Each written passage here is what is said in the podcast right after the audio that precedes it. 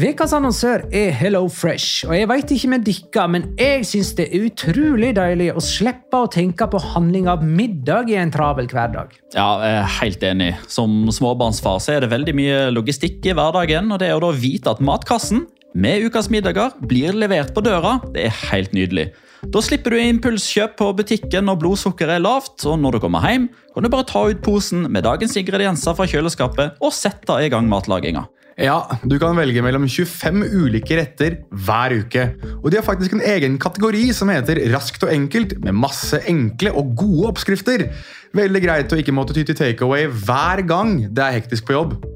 Jeg gleder meg spesielt til sterk chilikylling i min neste kasse. Jeg blir sulten bare av å tenke på det. Ja, Det er ikke feil med bacon og cheeseburger heller, da.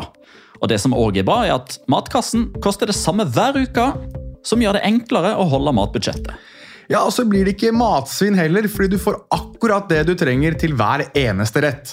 Hello Fresh kan absolutt anbefales, og bruker du koden vår, LIGALOCA, kan du få opptil 1779 kroner i rabatt på de fem første matkastene hvis du ikke har prøvd Hello Fresh tidligere. Du kan også prøve koden hvis du har avslutta abonnementet ditt for tolv måneder siden eller mer. Gå inn på hellofresh.no og bruk koden LIGALOCA. Bon appétit! Hallo? Jeg kommer fra Oslo politikammer. Ine Jansen er purk. Er du purk? The motherfucking bitch. Alt jeg vil, er å finne ut hva som skjedde med mannen min. Jon Carew. Er jeg sikta for noe? Iben Akeli. Det er du. Ole So, Lars Berrum og Big Daddy Karsten. Hvem sin side er du på, egentlig? Anette Hoff, Tone Danielsen, Kommer du fra Afrika?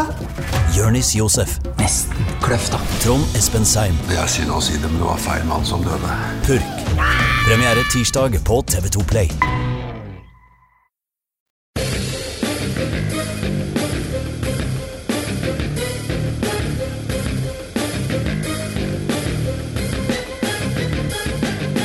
Har du sett? Det er en ny El Clásico-veke der Real Madrid òg skal spille Champions League. Er de nesten like gode som Bournemouth, så slår de ut Liverpool i åttedelsfinale. Men hvordan i alle dager skal de klare å unngå det lovfesta 1-0-tapet mot Barcelona på søndag? La liga loca. En litt gærnere fotball. Ja, ja, ja, dette er La Liga Låka episode 242 av det ordinære slaget med Jonas Giæver, hei.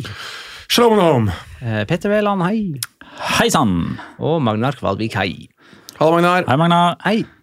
Eh, Det har vært ei Nå, nå er vi på småsnakk. Det har vært ei helg i filmens tegn for meg. Jeg satt oppe i natt og så Oscar-utdelingen, og hadde kino eh, ja, ja, så masse kinofilmer òg. Så jeg tror jeg har rekordlavt antall La Liga-kamper på samvittigheten denne helga her. Kan sånn at det er sagt? Du så mer Oscar-utdeling enn du så Oscar de Marcos. Jeg så mer film enn um, Oscar Rodriguez. Fins det en som heter Pellicula? Eller Nei. noe som jeg kan Nei. Nei, det er ikke det. Nei. Nei, men altså, det, Dette her er vel da eh, ditt overgangsmarked, da. Altså Her kan jo jeg slå Ah, tilbake inn at her ja. sover jeg godt, og så leser jeg på morgenen hvem som har vunnet. Ja, ja sånn eh, Det er den fornuftige måten å gjøre dette på òg, ja. Er det noen obligatoriske eh, å si, susseksjonsfilmsopsjoner her? At, du må velge, at det er noen filmer der det er obligatorisk at det kommer en nummer to? For eksempel? Eller at hvis man vinner, så må man lage en oppfølger, eller Nei, men det er vel noen obligatoriske sånn skuffende priser og sånne ting, da. Ja. Det jeg har fått med meg fra Oscar-utdelinga, det er eh, intervjuet med Hugh Grant som jeg hyller herfra til morgenen. Jeg har ikke sett det noe men jeg Ja, at det, det, er var, en greie. det var på rød løper, som de sier. Kaller det Eh, før ja, om det var eh, rød løper, jeg vet ikke. Jeg skulle si sto på en trekasse som var malt hvit. Jo, det er i ankomstsekvensen er der man gjør masse sånne intervju med å spørre hvilken Ja. dress man har på seg, og sånne ting. Og han sa han hadde den, sin og- dress. Og... Ja, jeg husker ikke navnet på den som hadde lagd den. og Nei, Man gleder seg til man... noe spesielt. Nei, å, det er egentlig ikke det. Altså, du hyller det. Ja. Jeg så ikke det, skjønner du. for Vi, vi så film før eh, det Hva for en film så dere? Uh, All Quiet on the Western Front. Vant den noe? Eh, masse. Ok, ja. Bør jeg se den? Du hadde ikke Passer skjønt det en film for, er det en film for meg? Sånn som du kjenner meg? Eh, Du skjønner jo ikke 'Løvenes konge' engang, så dette er ikke en film for deg. Hva skjer med deg da, Locura Stjela? Det, det, er, det er en eh, tysk film om første verdenskrig, da. Eh, Ja. Nei, altså. ja det lurer lurt. litt Løvenes konge? Det er liksom ikke- Hvor kom den ifra? Nei, jeg vet faen. faen. Det er liksom ikke popkorn og eh, laidback, sånn hva det heter, sånn feel good. Hva, ok, kan jeg, kan jeg spørre om en film før vi går videre? For jeg, jeg så den, og jeg lurer på om den var nominert, nominert til noe. Nominert. Nominert. Uh, The Banshees of Inisherin. Ja, den var nominert. Hva- Det var en av mine favoritter til å vinne, hele- altså min sånn personlige favoritt av de som var nominert i beste filmkategorien. Men han vant absolutt ingenting. Nei, ok. Nei, den har jeg sett. Den er bra. Er det kun for det året som har gått, eller er det sånne historiske priser òg? Nei, det er kun for siste Løvenes konge vant ingenting, Petter. Ikke The Shawshank Redemption heller? Den har- det den er ikke noe sånn der Kniksens eh, Hollywoods æres Oscarspris? Nei. Nei. Eh, ingenting sånt. Hmm. Kniksens Hollywoods ærespris. Sånn, det var småsnakken, Ja, da. det var det. Sterk småsnakk. Bra. Eh, Da tar jeg runde 25 kamp for kamp, eh, så kjapt jeg klarer. Cádiz Chetafe 2-2. Eh, Enes Unal skåra to utligningsmål på straffe for Chetafe. Det siste kom i ekstraomgangene. Real Madrid Español 3-1. Real Madrid lå under, men snudde oppgjøret med mål av Venicius Junior, Militao og Ascencio. Og den gikk altså samtidig med at Liverpool tapte 1-0 mot Bournemouth. Elche Valladolid 1-1. Eh, Valladolid leda, men slapp inn i det 96. minutt og avslutta kampen med åtte spillere. Celta Vigo Rayo Vallecano 3-0. To mål av Iago Aspas, som dermed runda tosifra i La Liga for åttende sesongen på rad. Valencia og Sassona 1-0. Valencias andre seier på fire kamper med Baraja som hovedtrener. Mallorca Real Sociedad 1-1. Fem kamper på rad uten seier for Real Sociedad. Eh, De blir å kjempe om fjerdeplassen med Real Betis, som er tre poeng bak. Sevilla-Almeria 2-1. For første gang denne sesongen snudde Sevilla en kamp, og det i et andalusisk nedrykksderby. Villarreal-Real Betis 1-1. Borja Iglesias og Jeremy Pino med målet på La Ceramica. Atletic Barcelona 0-1. Barcelonas tredje strake 1-0-seier, og nok en gang holdt de nullen uten at folk helt forstår hvordan de klarte det. Kampen vi ikke har sett, er Girona Atletico, for den var for kjedelig. Eventuelt så er ikke han spilt ennå. Én av to. Always watch Girona play. Ja, altså, hvis han blir kjedelig, så er det Atletico sin feil. Ja, sant? det er riktig. Mm. Jeg lurer på om vi skal bønne med det som skjedde på San Mames, der altså Barcelona vant 1-0 over Atletic eh, Klubb. Eh, og vi kommer til å snakke minimalt om fotball. Eh, vi går rett på Sivert van Morik sitt spørsmål. Petter, er reglene klinkende klare på den hendelsen til Monjain på slutten av søndagens kamp mot Barcelona? Sjøl som en uvitende Barcelona-supporter syns jeg det så strengt ut, men hens-reglene endrer seg jo hvert kvarter. Først en liten forklaring. Eh, Atletic Klubb utligna ved Injaki Williams. Eh, Men videodommer oppdaga en hens på inn, eh, Det var Iker Monjain, sant? Eh, Et godt stykke inne på egen banehalvdel for Atletic. Eh, En hens som på en måte starta det angrepet som førte til mål. Og så kan du svare på spørsmålet. Ja, men jeg syns egentlig du forklarer hele situasjonen, og du oppsummerer hvorfor det blir avblåst. Fordi det er en hens som oppfattes som straffbar, og det er akkurat i det øyeblikket Atletic vinner ballen og setter i gang angrepet som ender med scoring. Hvor mange trekk eh, mm, er det kan man ha før man ikke Hvis Atletic hadde hatt fem trekk til i det angrepet etter hendelsen, hadde det da fortsatt vært Da, da tipper jeg skåringa hadde stått. Så, det, så- Går det på sekunder, Nei, det, kanskje? Hvis nei, de hadde brukt ti det- sekunder mer? Det, eller? det fins ikke noe Det ikke noe så spesifikk regel. Det er ikke x antall trekk eller x antall sekunder. Det er, jo, det er rett og slett en subjektiv vurdering som dommer og videodommer må ta. Bare for å ta det faktuelle, da. Han hensetter 86-20. Og så skårer uh, Inyaki Williams etter 86-29, og det er tre trekk. Det er Iker Monjain som da går inn høyt med uh, albue skulder, vinner ballen fra Frenkie de Jong. Så er det en pasning inn sentralt. Så kommer pasningen gjennom ett sekund etter det. Og så løper jo Inyaki Williams så fort at uh, det tar jo ikke så veldig lang tid før han får ballen til han setter den i mål. Eh, Men eh, vi har jo snakka positivt om eh, videodømming, eller vært sånn for videodømming hele veien siden oppstarten i VM, vel, 2018. Mm. Men var det da dette vi så for oss? Altså, jeg, jeg, jeg, jeg tror alle vet hvor jeg skal med det her, og så jeg skal ikke si så fryktelig Men, mye. men skal du si noe om å tilpasse fotball, fotballregler til videodømming, heller enn å tilpasse videodømming til fotballregler? Som jeg sa, alle vet hvor jeg skal med dette. Men, jeg, men det eneste som jeg syns er rart med denne situasjonen spesifikt, er at Er det clear and obvious at Iker Monyain bruker hånda der? Altså, jeg det, Hvor går liksom grensa for hva som er clear and obvious? da? Hvor, når er det man skal gripe inn? Kan, kan vi Um, si eh, klart og opplagt på norsk? Ja, jeg har bare lest Clear and Obvious så mange ganger nå at jeg klarer ikke å komme meg ut av det. Men klart og opplagt. Vi kan godt prøve oss på det. Men, men de to tingene der henger jo sammen. For det, det er jo der man er inne på at regelverket er tilpassa VAR, og ikke omvendt. Fordi hens har blitt objektivt. Ikke subjektivt. Er Til ikke- tross for at det blir Ja. en subjektiv vurdering om det objektivt sett skal være hens. Sant? Fordi eh, alle disse straffesparkene som blir pga. hens, det er jo heller òg eller det er jo òg en sånn Er det klart og tydelig altså Var den så langt ned på armen at det er så klart og tydelig, eller var det så vidt her nede, og ergo er ikke det så klart og tydelig? Mm. Her er det i litt for stor grad, og etter mitt og veldig mange andres skjønn, har jeg forstått, det, det er litt for svart-hvitt om det er straffbar hens eller ikke. Fordi det er sånn, eh, enten så er klokka ett minutt over tolv, eller så er den ett minutt på tolv.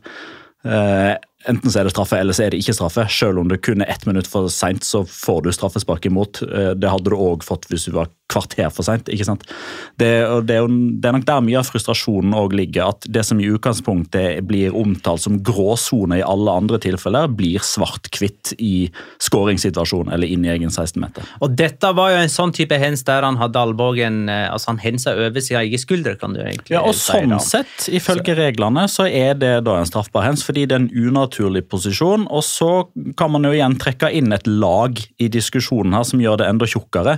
Det er jo at Frenkie de Jong Ok, Skulle han kanskje hatt frispark imot seg for den veldig høye støvelen som kanskje influerer Iker Monjain sin avgjørelse om å gå inn med albuen sånn, kanskje òg for å beskytte seg sjøl. Så jeg skjønner veldig godt at uh, Atletic-fansen reagerer, og jeg skjønner veldig godt at Real Madrid-fansen reagerer, og jeg skjønner òg at dette her blir et tema som er veldig betent. Fordi det er betent i utgangspunktet med hva Caso Negreira som ruller og går. Ja, vi skal komme inn igjen på det. Jeg vil bare få loggført. Ja, ja, det er det man sier så populært her inne. At, At, eh, noe. at eh, min pro-var-holdning for fem år siden, og så vidt òg for kortere tid tilbake, eh, eh, var basert på andre premisser enn dette. Ja, enig. Eh, og, og det har jo mye med det at man har endra fotballreglene etter, for å tilpasse dem videodømming, eh, heller enn å gjøre det motsatt. Så sånne ting det irriterer meg. Jeg, men jeg er fortsatt tålmodig. Eh, Jeg er en sånn som fortsatt ser på videodømming som en prøveting, selv om jeg, jeg innser og tror at det kommer for å bli. Men jeg tenker fortsatt at man har en god vei å gå. Man har ikke kommet i mål med videodømming. Og en av eh, faktorene man må lære og, å på en måte unngå å gå i, i, i samme fella igjen, det er å fortsette å tilpasse reglene til videodømming, og heller gå andre veien. Ja, jeg skal bare skyte inn der at for alle som ikke er på Discord, eh, som du får tilgang til gjennom patreon.com slash la liga loca, eh, så eh, jeg skrev der at jeg har nå ment, og mener fremdeles, at videodømming det er litt som kommunisme. Altså, det, Premissene og uh, det, Er det noen som vet hva premissene til kommunisme er? altså, ideologien, ideologien og premissen som legges i den faktiske kommunismen, er et euforisk utopia. Jeg tar ditt ord for det. Ja, men det er det. Jeg har lest en del av disse Karl Marx-bøkene. Ja, altså. Det er ikke, jeg, Ungdoms- tror ikke, jeg tror ikke det liksom Ungdomsopprør. Maks 10 av lytterne våre som har gjort det. Oh, ja, ja, det var Mitt ungdomsopprør var å være hobbykommunist, og for så vidt også gladsosialist. Men eh, poenget er at eh, i sin essens og i sin ideologi så skriver jo da Engels og Marx om et samfunn som er rett og slett utopisk, der alle deler likt og alt sammen er fint, og man deler av goder, og det er ikke noen som har mer enn andre. Det er litt sånn videodømmingen er, da. At det skal gjøre alt sammen rettferdig, alt sammen skal være fint, ting skal flyte og gå bra. Men, de klarer det ikke.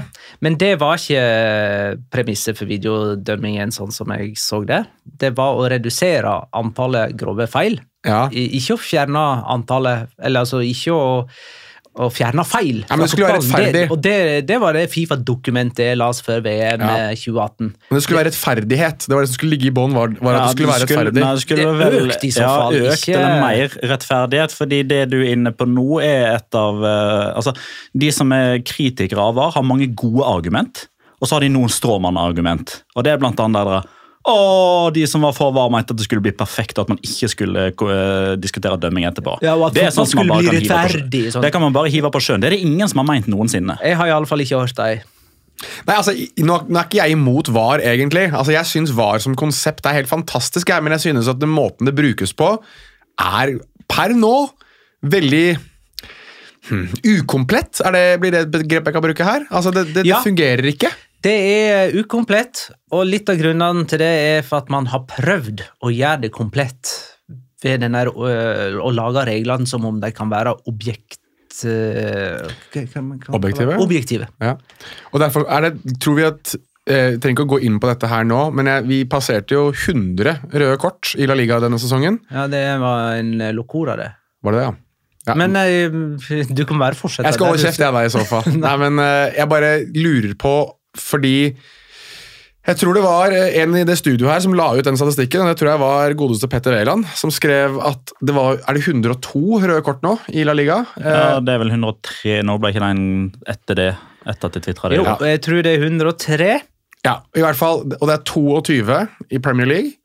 Og det er liksom, jeg, Bare der tenker jeg at man ser at den konsekvente dømmingen eller videodømmingen er inkonsekvent. da. Altså Det er ikke, det er ikke Fra liga til liga, ja. For eksempel. ja. Og da, Og da har du et system som ikke er fullkomment, mener jeg, når Ja, ikke ja. du klarer å ha retningslinjer som går på kryss Ja. og tvers av ligaene. og så vet jeg at det er veldig mange både i discorden vår og folk som reagerte på den, på den tweeten. Men kan det virkelig stemme at det er 102 eller 103 som det er nå? Uh, og for en som ser veldig mye spansk og som ser veldig mye engelsk, og som nå begynner å få et enda større Nå snakker jeg meg selv veldig opp, det liker jeg ikke. Men nå, nå har jeg et enda større grunnlag enn før da, for å sammenligne de to ligaene. Jeg tenker Det ideelle her ligger midt imellom. Det burde vært 60 hver. Og så ser man f.eks. Leicester-Chelsea. At Daniel Amatei og Enzo Fernandes fullfører den kampen, er like ille som at eh, ja, Take a pick eh, måtte mm, utføre kampen var ferdig spilt i en eller annen random La Liga-kamp. Lista er for lav der og for høy der. Um, ja, ja, ja Skal vi se Har du lyst til å Har, har du eh, noterte inn uh, the breaking news som kom nå før vi satte oss ned? Ja, men uh, Du noterte den, jeg bare lurte på om det sto i dokumentet. m- Ja. Ok, bra. Uh, men Kjevan skriver Han har Twitter-knaggen at vannkjelig. Ikke det litt moro? Ja, bra. Eh, dommerskandalen! Og da snakker ikke han om hendelsen på Iker Monjain, men eh, på hva som er greia. Eh, hva kan bli straffen om Barcelona blir tiltalt og straffa? Eh, de er tiltalt, så spørsmålet er hva blir straffen hvis de blir straffa? Og da foreslår han poengtrekk, trens, eller overgangsforbud, sånne ting. Er svaret vårt veit ikke. Svaret vårt er at det i alle fall ikke blir transferforbud, for det har jo liksom ikke noe med det å gjøre. Det blir liksom som å frata Det noen ansvar for barn fordi man har råkjørt. Altså, vi De må har de allerede. De har jo transferband på bakgrunn av at de har så høy massesalarial at de kan ikke registrere noen uansett, nesten. Eh, ja, ja, på sett og vis.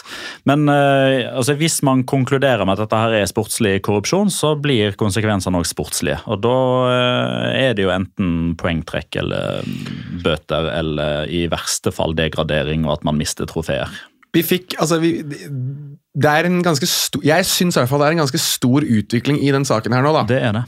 Jeg syns uh, Altså, uh, det, har vært mange utviklinger, og vi tenker på samme, men det er én ting Vi tenker på samme. Ok, Det er én ting her som jeg syns Er den relevant for det, David? Jeg spør deg, hvorfor tror du ikke Real Madrid Yes. venter så lenge med å kommentere hva som Veldig er greia? relevant. Det er veldig, veldig, veldig relevant, og det er et ekstremt godt spørsmål. uh, fordi eh, vi må huske at Spania fungerer litt sånn at hvis du er makthaver i for eksempel en, en institusjon som Real Madrid, så har du tilgang på litt mer informasjon enn resten. Det er jeg ganske sikker på. Real Madrid og Barcelona eh, sitter i samme båt i veldig mye nå, eh, som omhandler deres fotballframtid. Og det er spesifikt Super League jeg tenker på her, da. Og CWC-avtalen. Og CWC-avtalen helt riktig. Men, men de to går litt hånd i hånd. Men du har helt rett der, Petter. Eh, de har ved flere anledninger passet på å ikke kritisere hverandre, snakke ned hverandre, og når den ene har blitt kritisert, så har den andre holdt kjeft. Det har skjedd ved flere anledninger denne sesongen, og det er flere ganger hvor du har tenkt at her kommer nok Real Madrid til å dryppe noe i pressen, her kommer Barcelona til å dryppe noe i pressen, der det ikke har skjedd noen verdens ting. Og Det er veldig, veldig rart eh, når det kommer til disse to klubbene. Så er det mange som poengterer at det er litt interessant at dette kommer nå i den uka det skal spilles El Clásico. Jeg tror ikke det har så fryktelig mye å si, men det jeg tror har noe å si, er at Real Madrid nå, for første gang siden Superleague starta, har vendt ryggen til Barcelona. De har gått ut og sagt at vi ønsker å komme til bunns i hva er det som har skjedd med Caso Negreira, og vi ønsker også å vitne i rettssak hvis det blir at man går så langt, hvilket kommer nok til å skje. Det kommer til å skje. Så Real Madrid stiller seg i rekka av det spanske fotballforbundet, som også har sagt at de skal eh, personifisere. Ja. Det har òg La Liga gjort. Nettopp. Så nå er det altså, Og Uefa har vært ute og rasla med sablene og sagt at de har ikke noe foreldelses... Uh, uh, altså de, de har ikke sånn foreldelsesgreie, sånn som La Liga har. Så som, de kan gå så langt bak de kan gå så langt tilbake i tid som Ja. de vil, og straffe det hvis de mener at de har satt sporten i vanry osv. Ja, og det som, det som gjør at dette her er så ekstremt betent, tenker jeg, er at Real Madrid har sittet og ventet lenge nå. Lenge. Bare for å se hvordan utvikler dette her seg. Og det jeg tror må ha skjedd, er at nå tror jeg Real Madrid mener at det ligger såpass mye bevis mot Barcelona der de kan ikke forsvare dem noe mer. Vi kan ikke passe på dere lenger. Så nå må vi snu, og vi må også si fram at dette holder ikke vann, heller ikke for oss. Jeg er helt enig i det, og timinga her er jo at den siktelsen ble jo offisielt på fredag. Mm. Florentino Perez kalte inn til ekstraordinær generalforsamling lørdag, og så kom den, dette statementet på søndag. Ja. Så der tenker vi inne på timing. Og så tror jeg nok òg at etter hvert som den tida her har gått, og folk spør seg Hvorfor sier ikke Real Madrid noe? Så øker jo òg mistanken. Sier ikke Real Madrid noe fordi de vet at de har gjort det samme sjøl? Ja. Det, det har ikke jeg noe formening om. Men det er, jo, det er jo der man havner i, i det klimaet som er i Spania nå, med Barca mot Madrid. Altså Konspirasjonsteori, avle konspirasjonsteori. alle, altså Nå har du jo eh, Barcelona-supportere som er helt eh, liksom sikre på at eh, La Liga hater Barcelona pga. den nyheten som vi skal inn på Ja. etterpå, og limite salari og alt dette her, samtidig som de nå selv er sikta for å ha eh, kjøpt tjenester av visepresidenten i det spanske fotballforbundet. Så der har du en enorm motsetning. dommerkomiteen. Ja, dommerkomiteen.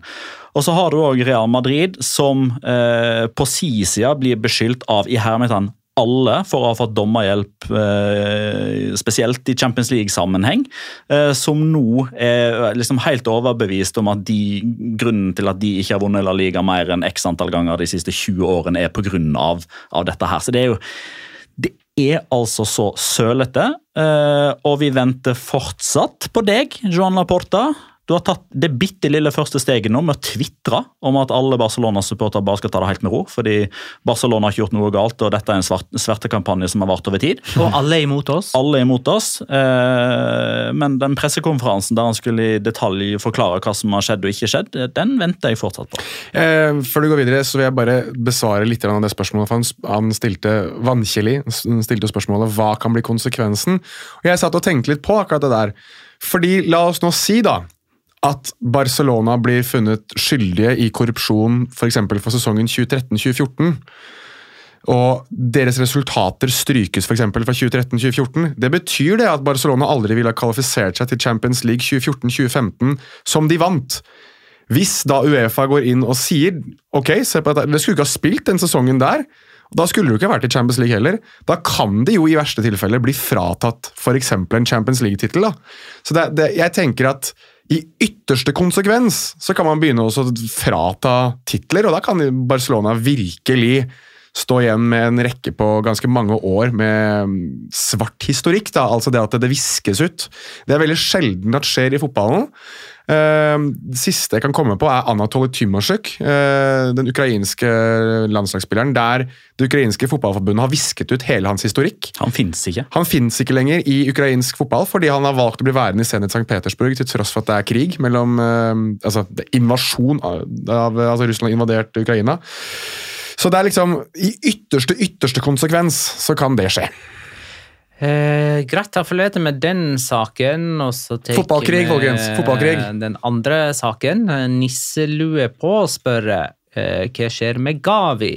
Og så legger han da ved en tweet om at Gavi sin kontrakt Dette er fra Managing Barcelona, eller Barca, eh, men dette det har vel kommet fra mer offisielt hold enn som så. Eh, men i alle fall, Gavi sin kontrakt eh, kontraktsfornyelse, eller den registreringen som eh, vel fant sted i, var i januar, Mm.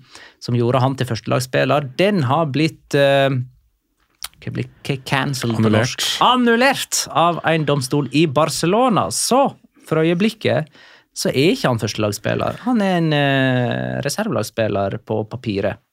Ja, altså, Gangen i det her, og her kommer man igjen inn på at eh, det spanske rettssystemet er litt komplisert for de som ikke liksom, har satt seg veldig inn i det, og det er òg annerledes. De, de, de har noen andre mekanismer i Spania enn f.eks. i Norge.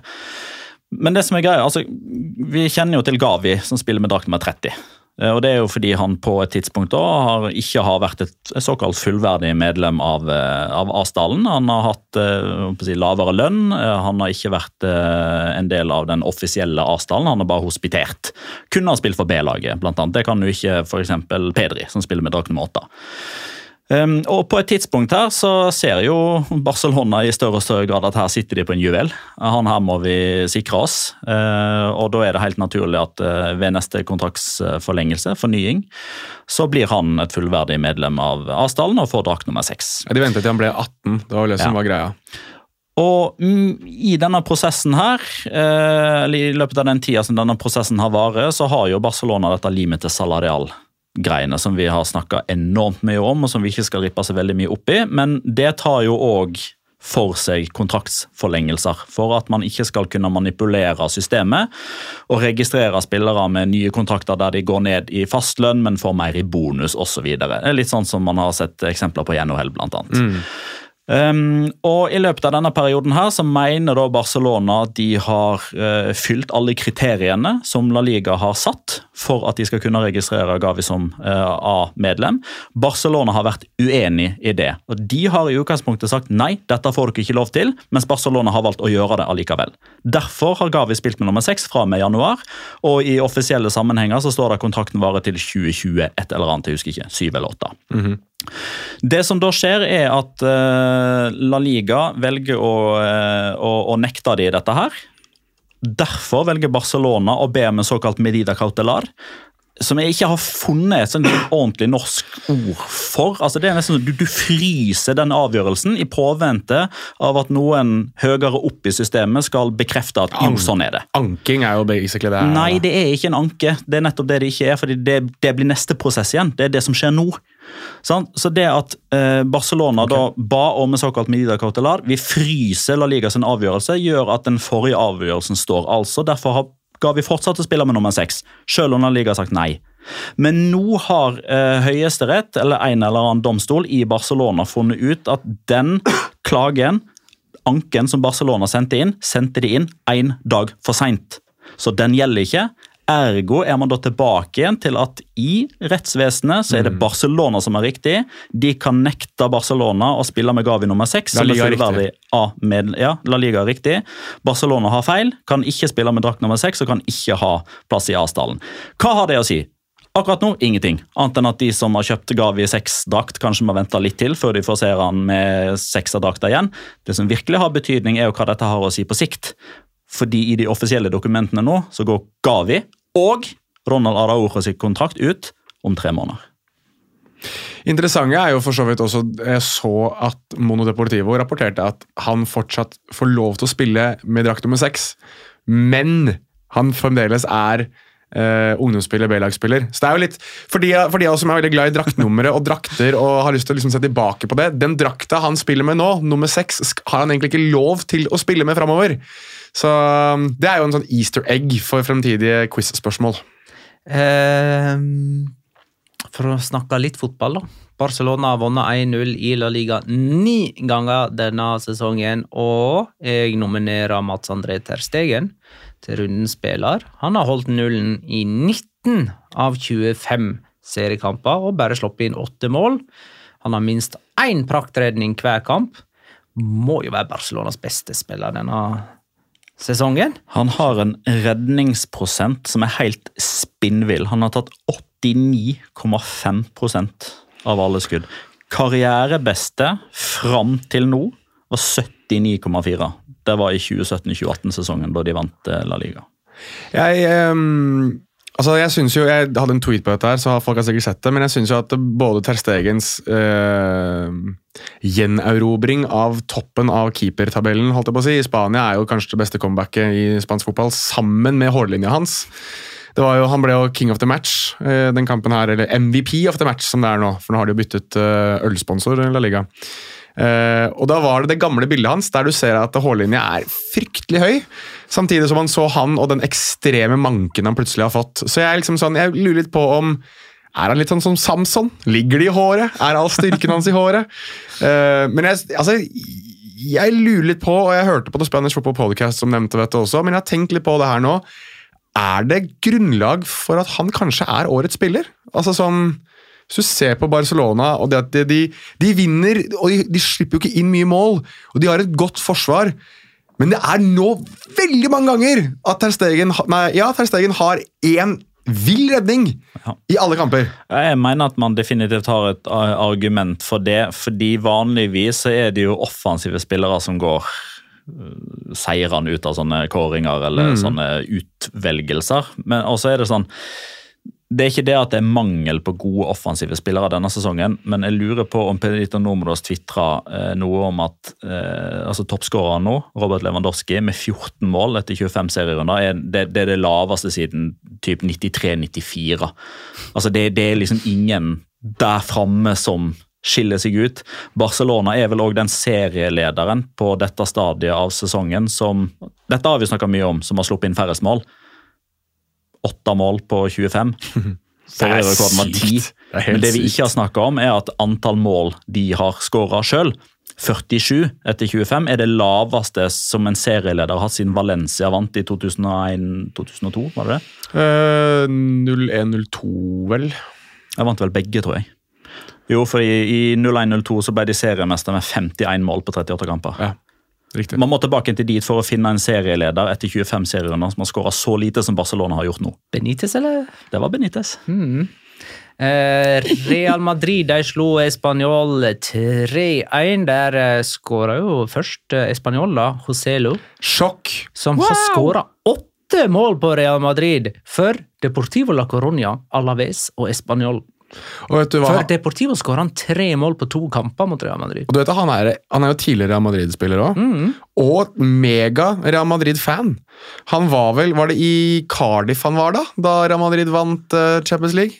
Sammen med sin far. Og satt han uh, sammen med Real Madrid-supporterne. Så dette her er en kar som virkelig har hjerte for Real Madrid i tillegg. Ja, Var ikke det et eller annet med at Nacho Fernandes var forloveren hans i bryllupet eller et eller annet? Jeg husker ikke, det var noe sånn tette opplegg. Ehm, eh, men eh, i alle fall så snudde jo Real Madrid denne kampen. Ancelotti har 100 seire i La Liga på 139 kamper som trener. Eh, Bare Guardiola trengte færre kamper på å runde 100 seire. Han brukte 132. Så får vi se hvordan Gavi gjør det på det der. da. Han har nettopp Eller Xavi. eh, Sa jeg Gavi nå? Du gjorde det. Ja, det blir mye Gavi i dag. Xavi han har nettopp uh, runda 50 kamper i La Liga, og hadde vel flere seire på dem enn Guardiola hadde på sine første Ja. 50. Um, Real Madrid møter Liverpool på onsdag. Eh, For eh, ei drøy uke siden så, så det på en måte ut som at den kampen kunne bli mer spennende enn vi først hadde antatt, siden Liverpool vant 5-0 Nei, 7-0 var det til og med! Du peker på meg! Eh, men så tapte de mot Bournemouth nå, og da føles det som at ja. Kasta bort det. Liverpool bare er kronisk ustabile. Eh, Men vi skal jo tippe eh, i denne episoden sånn som vi pleier. Og så pleier vi å gjøre det på slutten av episoden, men siden det er El Clásico denne gangen, så skal vi kjøre tippingen nå med en gang. Oi. Oi, wow. Så, Ja, så kanskje Stakkars dommer i den kampen, for øvrig. Hvem er det som er dommer? Nei, det eh, blir ikke satt opp før torsdag klokka tolv. Der ser du. Men Ja, det er altså. Barcelona på kamp nå mot Real Madrid. På kamp nå. Ikke Spotify-kamp nå, altså? Eh, nei, faktisk ikke. Nei. Jeg sier 2-1 til Barcelona og Lewandowski som første 2-1 til Barcelona, ja. Ja. Burde jeg sagt 1-0? Nei, Jeg ja, det, er egentlig, eh, altså Det er jo det som er lovfesta Barcelona-resultat. nei, altså, jeg syns du skulle ta, ta 2-1 jeg, med Lewandowski. Blir det ditt tips? Kan du tippe først? Etter 1-1 og Gavi. Å ja. Du tror det blir en sånn en, ja? Ved drakt nummer 37. Eh, 1-0. Selvmål. Oi, den er djup. Ja, jeg Du får ti poeng hvis du har riktig måls, Ja, gjør, gjør okay, jeg det? ja, du, Ja. Får, eh, du får to Du får poeng. alle eh, mine poeng hvis det ender 0-1 og du treffer på hvem som skårer sjøl. Nei, 1-0 1-0. og, og hvem som skårer sjøl. Ja, ok, jeg kan godt prøve. Du får alle Petters sine poeng. Ja. alle Petters sine Det poeng. er 20, da. Ja. 1-0 Barcelona, selvmål av Eder Militao. Sett alle pengene deres på det nå. Hus og bil og alt som er. Jeg gleder meg til neste ukes diskusjon. Da meg og det skal diskutere om det skuddet til Benzema hadde retning mål, eller om det er av Militao. Eller Lewandowski-skudd, da, i så fall. Eh, Ja. ja. Det blir det jo. Nei, jeg, eh, nei det er jo Det hadde jo Ja, det kan jo fort være vi får en sånn en, ja. Det hadde vært litt eh, artig. Men jeg, jeg, jeg er gitt av det tippingen. tippingen. Jeg syns det er greit at du ikke gikk gjennom standinga. Men da har ingen av oss tippa Real Madrid-seier. Er det likevel sånn at Real Madrid må vinne for å ha Ja Eller tror ikke de kan på noe comeback eh, uansett? Ja, Men comebacket starter jo der, i så fall. Ja, Nei, jeg, vinner Barcelona, så tror jeg det er over. Men, eh, jeg, men jeg ja tror Hvis de vinner, ja, da er det tolv poeng. Men hvis de spiller uavgjort, eksempel, så er det jo ni fortsatt. Ja, da har Real Madrid også innbyrdes på, på Barcelona. Så det kan i så fall bli spennende, det. Men um... Nei, jeg, tror, jeg tror Barcelona vinner. Og jeg tror Men jeg regner med at Real Madrid syns det er sånn Hvis de går videre i Champions League, og det gjør de nok. Så jeg tror dette blir en uke der begge to vinner, faktisk. Ja. Um, er det noen eh, vesentlige fravær, sånn som vi vet om, til El Clásico? Ja, Dembélé er ute, da. Den, eh, Dembélé er ute. Det er jo et vesentlig fravær. Hva ser vi Ja. Pedri er vel på vei tilbake igjen. Mm, han rekker det nok. Ingen karantener. Mm. Nei, men det er greit, det.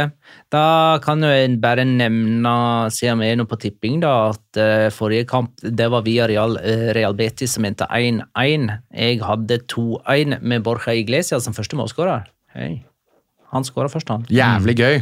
To poeng der på meg. Petter hadde 2-1 med Gerard Moreno som første målskårer. Jonas hadde 2-1 med Morales som første målskårer, så null poeng på dere. Hva gjorde, hva gjorde Morales for noe den kampen her? Han hadde jo en scoring, han. Den ble annullert.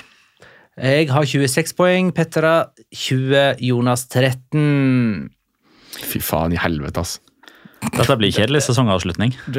Dette blir Du sånn da måtte bare snike inn litt banning. Ja, ja. Viktig for meg. Passe på at den blir eh, eksplisitt. Skyte inn litt av det. Det- det- Faen i f- fitta. Nok det. Sånn. Det- Dette minner meg om 2018-2019-sesongen. Barcelona 87, Atletico 76, Real Madrid 68. Null spenning de siste fire-fem serierundene. Men gud hjelpe meg hvor mye spenning det er i bånn, da. Må, ja, skal vi snakke litt om Botten, eller?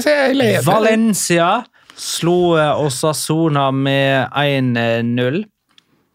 Jeg tror vi må snakke litt dømming her òg. Chris Robin Eriksen spør eh, som forrige runde i eh, Valencia-kamp, må vel nok en dommer ta seg en eh, runde pause? Eh, For det som skjedde i denne kampen, var at dommer måtte gjøre om tre avgjørelser ved hjelp av videodømming. Den ene var at han viste ut Sergio Herrera, som jo, vi jo alle drømmer om. Eh, Men det var jo bare på helt feil grunnlag. Han takla jo klokkerein på ball. Ja, jeg Der var det assistentdommer som mente at han var borti med hånda. Og Med hånda Ja. Var det det? på eh, For det tenkte, der tenkte jeg Hæ? At han tok ballen med hånda Jo, utenfor jeg, 16. jeg, jeg skjønner det, men hvordan i helvete ser han det i den situasjonen der? Det syns jeg er imponerende å klare å se. Ja, Jeg, han, er vi inne på Henning Berg her nå? At Hvis han ikke ser det, så kan han ikke dømme det? Han har jo åpenbart sett feil, da.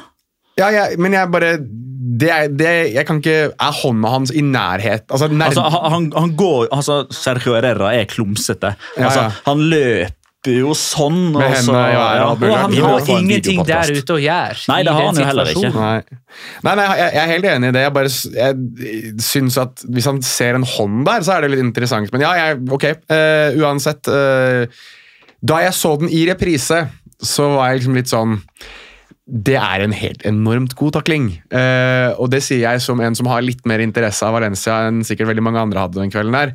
Eh, og jeg synes det var veldig... Men jeg, igjen, da, hvis jeg går tilbake til å prate om VAR Men jeg lurer også litt på om det er en del dommere som syns det er enklere å ta sånne avgjørelser fordi de vet at tar jeg feil, så redder VAR meg uansett. Noen dommere tror jeg gjør det. Noen dommere. Nå viser Petter meg et bilde, og der, ser, der går liksom Sergio Rera ut i litt sånn håndballstjerneaktig. Eh, som ser jo egentlig bare dumt ut, men jeg, jeg klarer fremdeles ikke å se hvor dommer ser en hånd akkurat Nei, men det er assistentdommer, og han, Ja, ser, assistent, han ser det derifra. ja, ok, da er Assistenten kan godt få lov til å låne mine briller til Jo, neste men han har jo hånda si ganske nær den foten som faktisk er på ball. Ja, du, er, Så- du er annullert fordi du er, har et hat mot Sergio Herrera. Ja, ja, nei, for jeg trodde Jeg tenkte liksom Hvis dommer ser det der som rødt kort, så ville Selv uten videodømming så ville han ha fått hjelp av assistentdommere til å se eller ja, bli guida i riktig retning. Men så var det jo tydeligvis assistentdommer som guida han i feil retning i utgangspunktet. da. Ja, fordi assistentdommer står sånn. Det er han som vinker først. Det har blitt 1-0 til heimelaget i alle fire kampene til Baraja. Eh, og da har altså Valencia hatt eh, to bortekamper og eh, to heimekamper, så det er Og Sassona fikk jo et, et annet rødt kort trukket tilbake nå. Det var jo faktisk to røde kort som ble trukket tilbake her. Stemmer Aymar. Oros hadde en på tampen òg. Det er faktisk første gangen i var æraen i Spania at det har skjedd. I tillegg så måtte jo Iglesias Villanueva ut og, og gi straffespark til, til Valencia. Eh, og det er jo litt, uh, litt artig, da. Eh, altså I denne Caso Negreira-æraen, som vi nesten får kalle det for, for det er jo noe som virkelig liksom setter en standard for spansk fotball, så hadde man jo Valencia, da, som raste etter å ikke ha fått straffespark mot Barcelona sist, og Osasona, som, uh, som var hyggelig i sin omtale av at VAR må brukes annerledes fordi de fikk en scoring forlaktig annullert for offside. Derfor så satte jo uh, det spanske fotballforbundet, eller La Liga, da, opp Iglesias Villanueva, fordi han hadde ingen historikk med lagene. Mm, stemmer.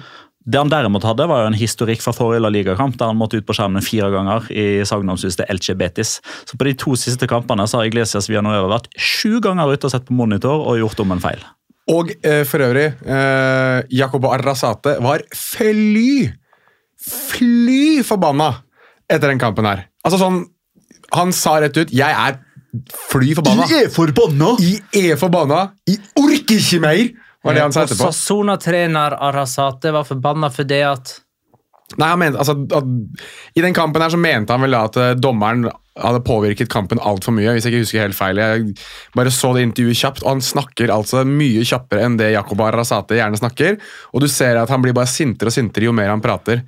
Estoy enfadado kan du søke på etter. Jeg vet du sitter og holder på her nå. Ja, altså, da ser vi at det er muy difícil seguir creyendo en esto. Altså, Jeg har vanskelig for, fortsatt å tro på dette. Ja. Ja. Eh, Det var for øvrig Justin Cloyfert som skåra matchvinnermålet for eh, Valencia. Og Da har han flere La Liga-mål eh, enn far sin eh, Ja. for Valencia. Ja. Patrick Cloyfert hadde Han- én skåring. Men har Justin Cloyfert bare to? Jeg kan ikke ha stort mer enn det, vel. Jeg trodde kanskje han hadde litt flere. Men Det er jo ingen eh, som scorer for Valencia. Hva du prater orker om? ikke å slå det opp akkurat nå. Han har fire. Eh, Roar med skarre R prøver seg på litt jinxing, eh, tror jeg. Eh, er Magnar og Jonas fornøyd med at Sevilla og Valencia nå har sikra plassen og er for gode til å rykke ned? Eh, Dette bringer jo oss til Sevilla, som slo Almeria med 2-1. Eh, Sevilla sin første snuoperasjon eh, for eh, sesongen. Eh, Det er i alle fall ikke jeg som tror at de er for gode til å rykke ned, trass denne seieren, som faktisk førte dem helt opp på 13.-plass. Men de er jo bare to poeng over nedrykksstreken. Men altså, vi, vi konkluderte jo i stad med at før El Clásico så lever tittelkampen til en, til en viss grad. Ja. Ikke nødvendigvis så mye, men der er det altså ni poeng. Ja. Det betyr at hvis vi, liksom, hvis vi legger lista på samme sted i nedrykksstriden, så er Rayo Vallecano på syvendeplass involvert i nedrykksstriden. Og Det er ni poeng ned til nedrykk. Litt flere lag imellom, da. Det er det. Det er en faktor. Men eh, er ikke, er ikke Rayo Vallecano typ ti poeng opp til Champions League-spill? Så de har Sju. Sju, ja. Så de har, Nei, ti. Riktig. Ti. Ja, så de har ti poeng til Champions League og ni poeng til nedrykk. Og de ligger på Syvende. Det er Skal vi etablere at vi har fått et nytt topp seks i La Liga òg nå, da? Alt over deg og liksom bare fiffen. Ja, for der er via sjette. Ja, der er det de tre vanlige, så er det de to kongelige klubbene. Er altså Sociedad og Real Betis og den etternavnkongelige Via Real. Eh, Erik Lamela skåra som innbytter for Sevilla i andre kamp på rad. Eh, det betyr at han ikke må brukes fra start, selv om det er det han prøver å kommunisere med disse målfeiringene sine. Det var retta med drakta, det. Hæ? av med drakta. Ja, ja, ja. Gult kort. Og uh, holdt seg vel for øyredden da han skåra mot uh, Fenebache, som for å si at han ikke hører til trikken, uh, noe han da åpenbart gjør. Det er jævla selvmotsigende, de greiene der. uh. Eh, Sevilla har sluppet inn 40 mål eh, på 25 kamper. Bare Almeria og Elche har flere. Og på denne tiden i fjor så hadde Sevilla 17 baklengs. Det var færrest av alle. Da var de nummer to. Jeg så ikke den kampen her, skal jeg være helt ærlig. Eh, hva var det som skjedde med Yasim Bono? Hvorfor måtte han byttes ut? Ja, Det lurer jeg jo på. Ja, altså, jeg, jeg, jeg syns det nesten så ut som at han fikk vondt i kneet. Ja, Eller at han fikk et slag i hofta. Ja. Han holdt seg til ryggen da han Ja, jeg gikk synes han liksom, plutselig fikk han liksom vondt overalt, og så Ja. fikk han nakkestøtte. Men det går visst bra. altså Han sov hjemme, liksom. Han var det, ikke på var det my neck, my back, my Og så kan de, de, som, eh, de som kan referansen, kan få lov til å fullføre den eh, hjemme. Da kan de gjøre det, mens jeg informerer om at Almeria er det eneste laget da, fortsatt som står uten borteseier til nå denne sesongen. Husker dere hvem som var det forrige laget som gikk- en hel sesong Uten uten å, eh, å vinne på bortebane, Malaga. men som ikke rykka ned? som ikke rykka ned! Malaga rykka jo ned. Eh, som ikke Det var et helt sinnssykt godt hjemmelag, da. Eh, Ikke Rea Betis. Nei. som ikke fant på bortebane. Men så... Er det nylig, for øvrig? Altså det, det forrige laget som ikke vant en eneste bortekamp i løpet av en sesong, det var Granada i 2016-2017. De hadde fire uavgjorte og 15 tap. De rykka jo rett ned. Ja. Men sesongen før der så var det et lag, og det var ikke bare det at de holdt plassen, de ble nummer sju. Uten å vinne en eneste bortekamp. Der det er 0-9-10 på Eh, bortebane. Hvilken sesong er det? 15-16? 2015-2016. Valencia? Nei, Kunne vært en Valencia-sesong. Det det kunne egentlig ha vært Sevilla. det er Sevilla. Jævlig gode på hjemmebane, da. 14-1-4. Ja, ikke sant?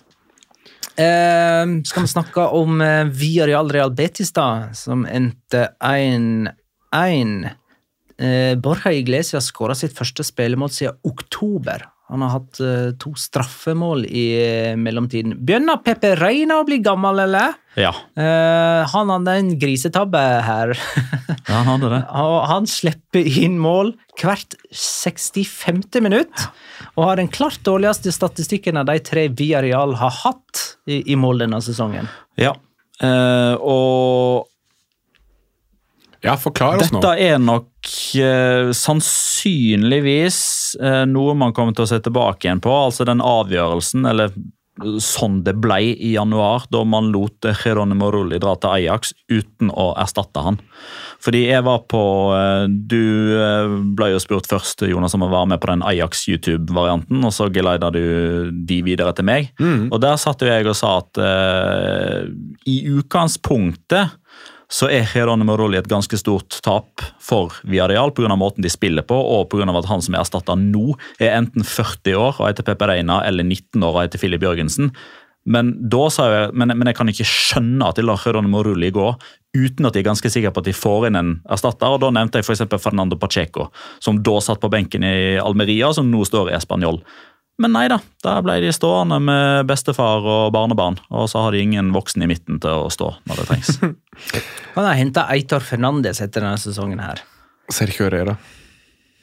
Jeg vet, vet du hvem de kan hente? Vet du hva, Jeg henter begge to, eh, og hvis vi er skal spille straffekonk, så setter vi inn på Sergio Herrera. Vet du, hvem jeg, vet du hvem jeg tror kanskje går til Villarreal? Fordi alle går den veien disse dager. Mamar Dashvili. Hvorfor ikke? Hvis, uh, hvis Villarreal flekker opp nok penger, så selger Valencia uh, uten å Ja, nok blunke. penger, det er jo To millioner euro.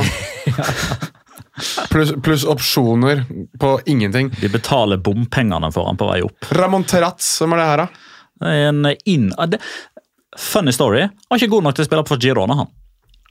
Han ble leid ut, ble leid ut i januar han, fordi han er bak eh, Aleix Garcia og Borja Garcia og Jangel Herrera og David Lopez og Ibrahim Kebe. Nei, men han spiller jo på kanten, da. Ja, ok, fair. Ramón Tarazzi er inne sentralt. Men eh, nei, det, jeg så ikke for meg at han skulle plutselig gå inn her og Ja, nå er jo Kapo ute og Kokkeland ute resten av sesongen, så han, eh, han har plukka opp hansken, han. Imponert. God. Eh, Real Betis ryker jo ut av Europaligaen til gagns denne veka, og kan da fokusere helt og holden på å ta den fjerdeplassen fra Real Sociedad i eh, La Liga. Eh, Real Sociedad spilte 1-1 mot Mallorca. Nå ryker jo òg Real Sociedad ut av Europaligaen mot Roma denne veka. Så får vi se hva det bærer de henne for. Altså, De har jo alltid gått på en smell etter nyttår under Alguacil. Eh, Nå skåra Carlos Fernandes. Han har slitt lenge med skade, og skåra her sitt første mål siden april 2021. Nesten to år. Mer konkurranse for Sørlotta. Ja, jeg syns Sørloth ser mer og mer grinete ut på benken de gangene man, de filmer han. Um, men jeg tror jo her så Kanskje man sparte seg litt i fant, men samtidig så tenker jeg at jeg tror de anser Alexander Sørloth som nummer én, og derfor skal han spille i det som er deres viktigste kamp den sesongen til nå, som er denne kampen mot Roma. Så jeg tror ikke man skal være sånn, hvis man er norsk og heier veldig på Alexander Sørloth, hvilket jeg tror de fleste gjør, så tror jeg ikke man skal være kjempebekymra for at Carlos Fernandes får den kampen her og en scoring. Jeg er ganske sikker på at Sørloth fortsatt velges foran han, men um, Men det kan jo ha en ting å si på lang sikt. da, at Ja. hvis, hvis Carlos Fernandes eh, begynner å vise målskårerform og holde seg skadefri nå, så kan det jo hende at det er et insentiv for det. altså at de ikke å bruke de jeg vet ikke, 10-12-14-16 millioner euroene som Leipzig da vil kreve for å selge Sørloth permanent. ek- eksakt. Så det er jo i så fall den triste ehm, versjonen av denne, den saken her, da. Men ehm, igjen, jeg syns liksom at eh, det er liksom same procedure every year, som du var inne på, Magnar, med, med Lareal. At de ser jævlig gode ut på eh, første del av sesongen, og får folk til å tenke at jøss, er det denne sesongen de skal inn i topp fire, og kanskje de kan messe litt med Europa, og så liksom- Enormt viktig kamp som kommer nå da, rett før landskampene, hjemme mot Elche. Altså, det er en sånn, altså Vinner de ikke den, da kommer det til å være uhyggelige eh, skriverier i Notitias de Giportcoa. Selv om man kan spille quiz der, har jeg hørt. Um, Real Sociedad skal altså snu eh, 2-0-tapet i Roma eh, fra forrige uke til eh, en ditto-seier på Anueta Ja. denne veka. Den eh, blir tricky. Kan jeg skyte inn en ting? Ja. Bare sånn, jeg har gjort det. Eh, Se på tabellen her nå. Altså, Real Sociedad eller Real Betis til Champions League neste sesong er gøy uansett. Ja, altså, det er det. det er, bare for å ha sagt det, vi, vi snakker jo liksom litt om at å, trist hvis Real Sociedad ikke kommer med i Champions Men, League. men vi hadde vel Hadde ikke vi tre Real Sociedad, Real Betis, via Real, var ikke det vårt tips om hvem som tok fjerdeplassen? Eh, Jeg tror vi hadde hver vår der. jo, du hadde Real Sociedad. Jeg hadde Du hadde via Real. Ja. Jeg hadde iallfall ikke Magnar. Nei, jeg hadde via Real. Jeg, jeg tror vi alle sammen Du som hadde Betis, da? Kanskje. Jeg hadde i hvert fall Jeg sa at eh, hvis Sevilla kjøper gode fotballspillere på slutten av vinduet, så, så tar jeg Sevilla. Men det gjorde de jo ikke, så nå ligger de på 13.-plass. Du tok en meg?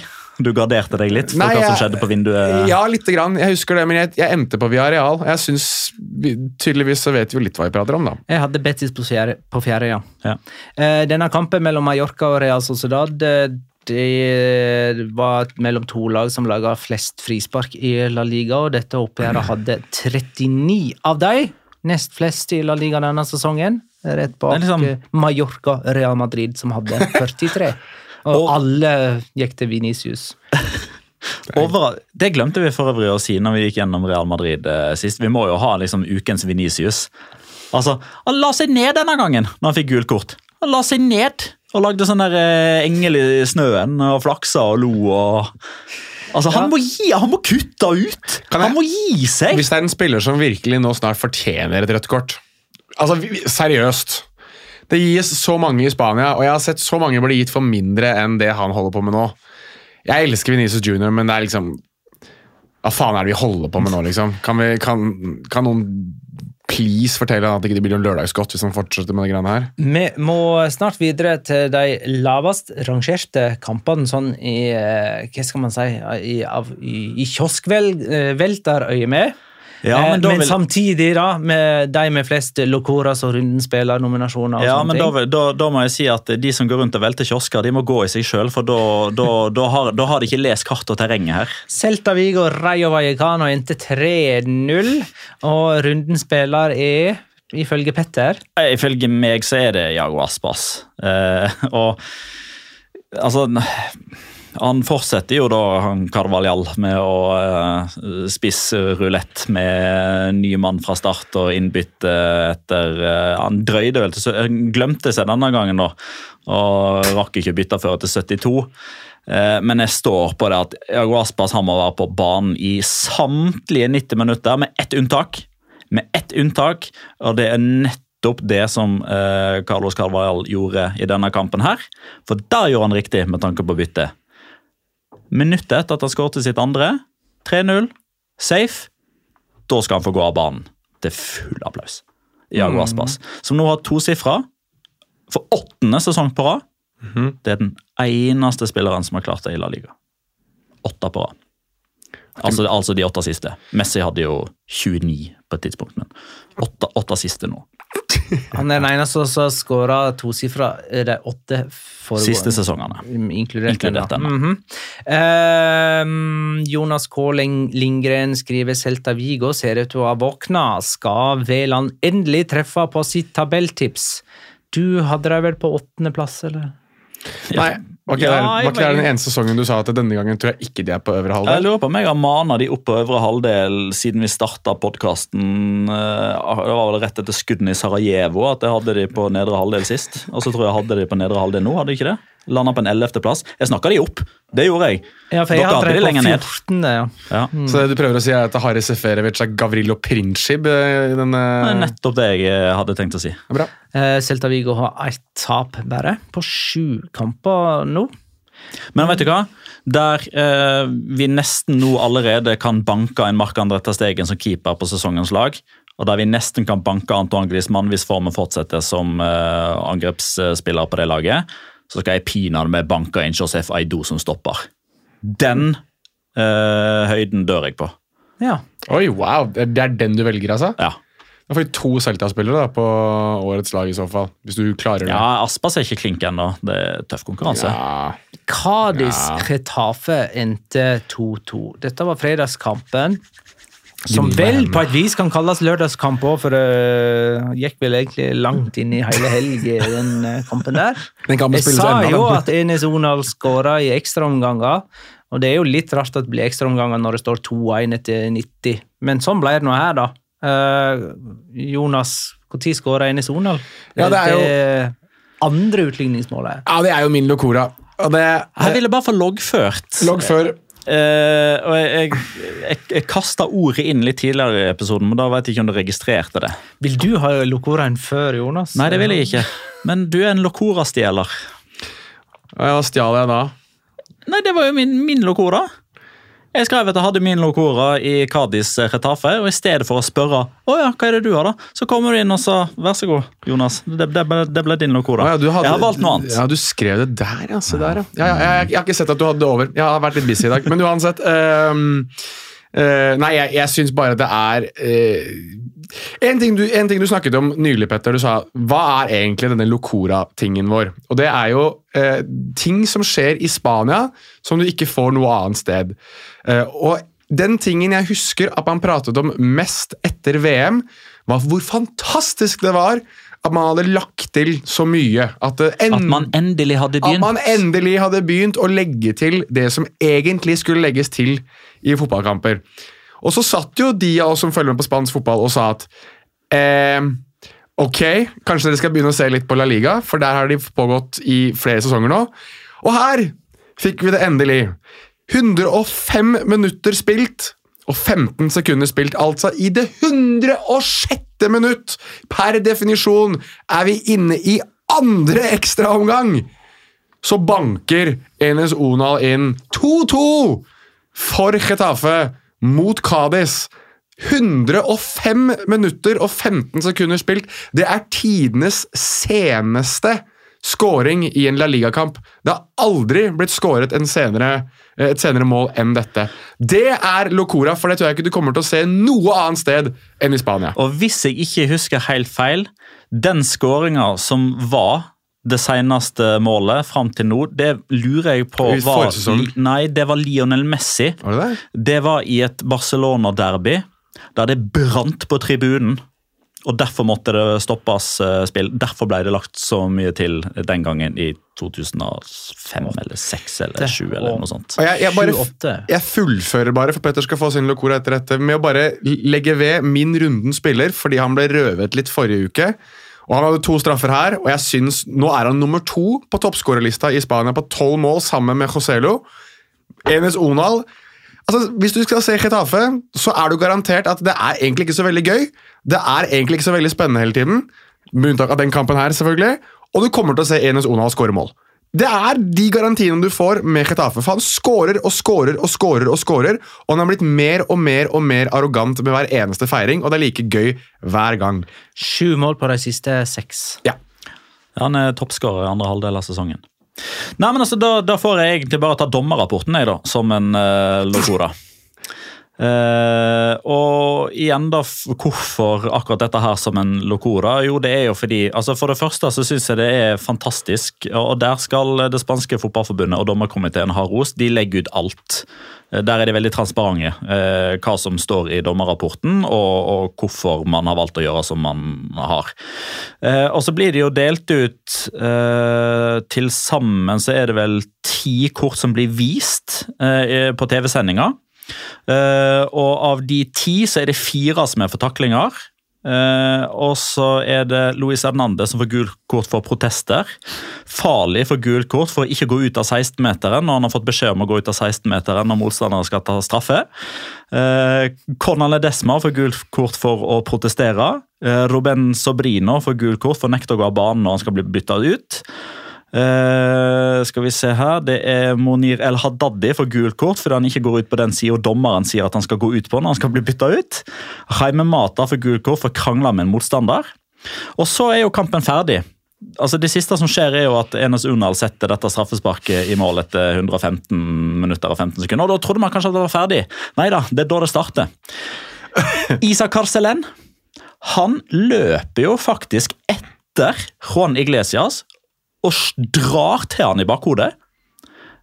Det var ikke så stygt som det høres ut nå, men det er Han det som står i kamper. Han dytter han i bakhodet, Ja. men det blir, det blir ansett som et slag, så han kommer til å få minst fire kamper.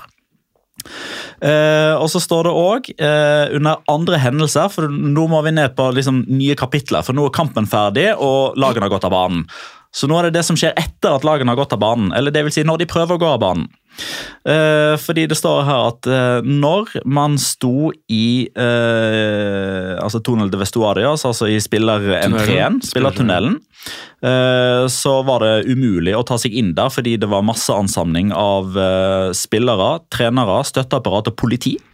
Det som skjer da, er at Conan Desma med vilje dytter en annen person inn i dommeren, som gjør at dommeren da får vondt. Eh, han er rapportert inn til forbundet og får minst fire kampers karantene.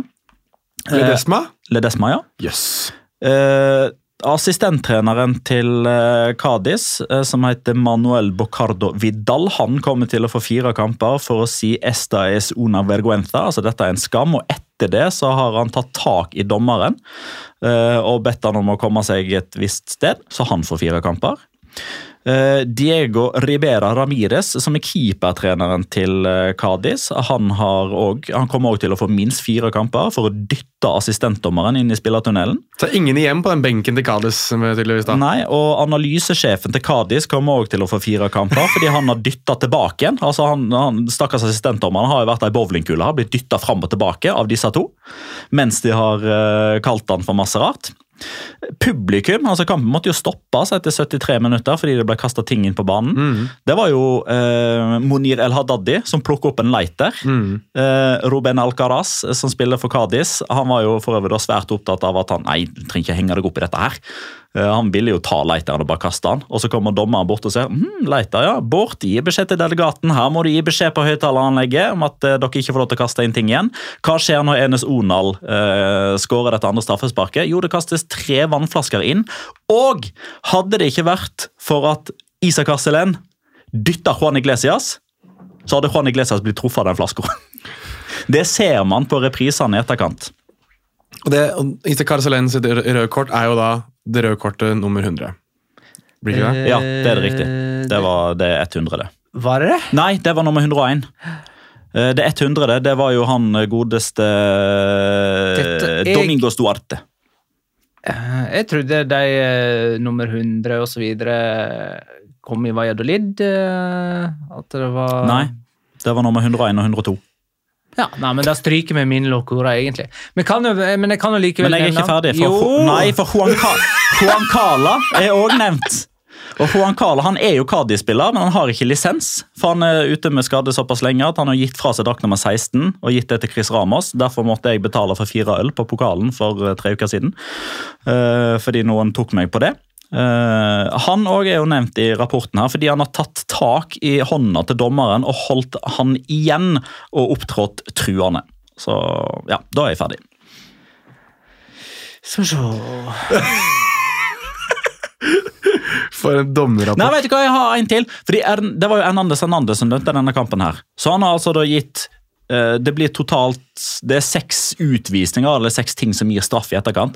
Han dømte jo også det omvendte oppgjøret. Når kampen ble spilt på Coliseum Afonso Perez, Da viste han ut tre spillere i tilleggstida. Så den kampen den gikk til 103, og denne kampen her gikk til 106. Så til sammen så har disse to lagene spilt 209 minutter med fotball. Ja, Ifølge Pedro eh, Pedrito Numeros da, så er Rocke Mesa og Hongla nummer 100 og 101 på eh, Ja, men han, han, han har på et eller annet merkelig vis glemt et rødt kort. Fordi Ah, ja. du husker at jeg måtte Eller høres jeg igjen veldig høy og mørk om at jeg måtte korrigere Pedrito Høy og mørk med Petter Wæland kommer på en podkast Ja, nei, men altså, Vi hadde jo òg en sånn opptelling. Lurer på om det var nummer 94 eller 95. For da var det også en sånn se hvor mange kort La Liga deler ut kontra Premier League. Mm. Da måtte jeg- Nei, det er en mer.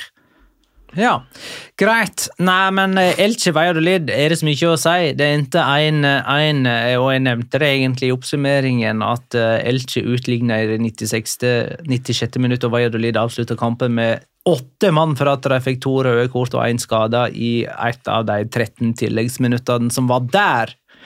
Eh, eller så syns jeg Daniel Edmundsen eh, spør eh, så søtt når skal Valladolid bli et gøyalt lag? De har vært ganske kjedelige i 15-20 år nå. Skal de aldri tenke nytt?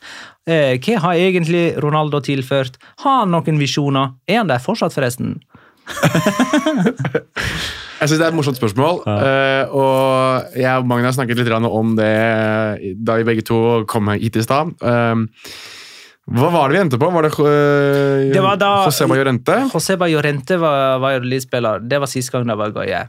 Ja, Det var når de skåra etter åtte minutter og 12, nei, åtte sekunder og tolv eh, hundredeler. Det. Det var den ene gøye tingen. Ja, men Jorente Llorente var gøy, da. Så, så lenge han var der, fram til kanskje sånn 2008 Ja, Da gikk han til. Villarreal. Eh, og da, ja, da, var han, da var han der lenger enn 2008. Det var vel i, sånn i 08-ish at han skåra det der målet. Ja. Så det er ca. 15 år siden de var gøyale. Jeg må nesten gi en ordentlig shout-out til Martin André Hansen, da, som er eh, holdt på å si, hele Norges Valladolid-supporter. Som, som klarer på en eller annen merkelig måte å finne nok underholdning til å følge med såpass tett på det. Han følger tett med, altså! Han gjør det. Og han skårer nedrykk dersom ingen andre enn Kyle Larrin skårer. Ja, det er ikke noe problem, for det, han skårer jo hele tida. Altså. Han skåra jo igjen nå. Gjorde ja, det? Ja. Fire Men det er, mål vel, sju. det er vel det du har sagt, Petter, at uh, hvis Kyle Larrin slutter å skåre for Valladolid, så Ja, er da, det da er de fucked. ja, de, de er, Ja, da er de fucked. Da er det mer fucked enn folk har exit, da. Ja, faktisk. Ja. Eh, Vi må for øvrig bare kalle Martin Ongla for eh, Martin Exit. Rooney Ongla. Han blir jo utvist for å applaudere sarkastisk til eh, Var det Kim Milton Nilsen som eh, sendte Wayne Rooney av banen på El Madrigal mot Villarreal? Helt riktig.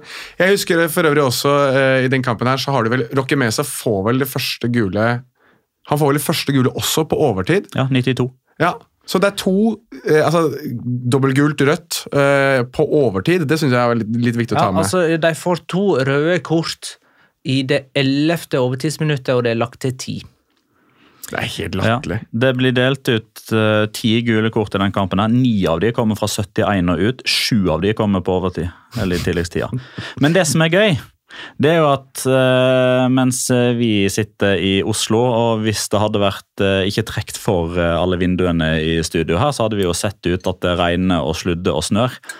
I Elcha Valladolid, der var det cooling break. Det la jeg merke til, og jeg eh, tenk, nå må vi snart runde av. Vi må snart runde av. Jeg la merke til det, men jeg var sånn eh, Hvor jævla varmt kan det egentlig ha vært? Eh, altså, det må jo være en av de tidligste cooling breaksene sånn i, Nå er det alltid cooling breaks på, på, i starten av sesongen, men du starter vel ikke med disse cooling breaksene før ut i mai? Nei, men altså, du, du starter når det er over x Ja, jeg vet, men fa det, nå er det tidlig. Vi skal kåre Enes Onal eller Jago Aspas eller Mats André til Stegen til rundens spiller. Mark André Terstegen. Ja. Ikke Mats André Terstegen. Uh, det har jeg sagt flere ganger nå, tror jeg. Det er for at vi, vi forkorter det med Mats. Mm. Men Mats er den som burde vinne her, ja. Ja. Matsemann. Mark André Terstegen, Runden spiller der, altså. Eh, da avslutter vi. Takk for at du Jeg vet at det tok litt tid, men husk at dette, en, dette her var jo en serierunde med tonnevis av overtid, så at, vi er, at vi er litt på overtid nå, syns jeg bare er rett og rimelig. Takk for at du lytta langt inn i overtiden, kjære lytter. Ha det, da.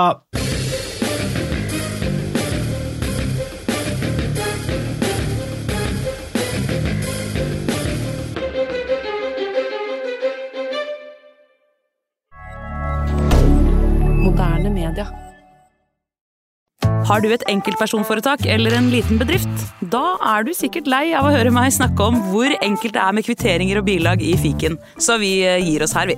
Fordi vi liker enkelt. Fiken superenkelt regnskap.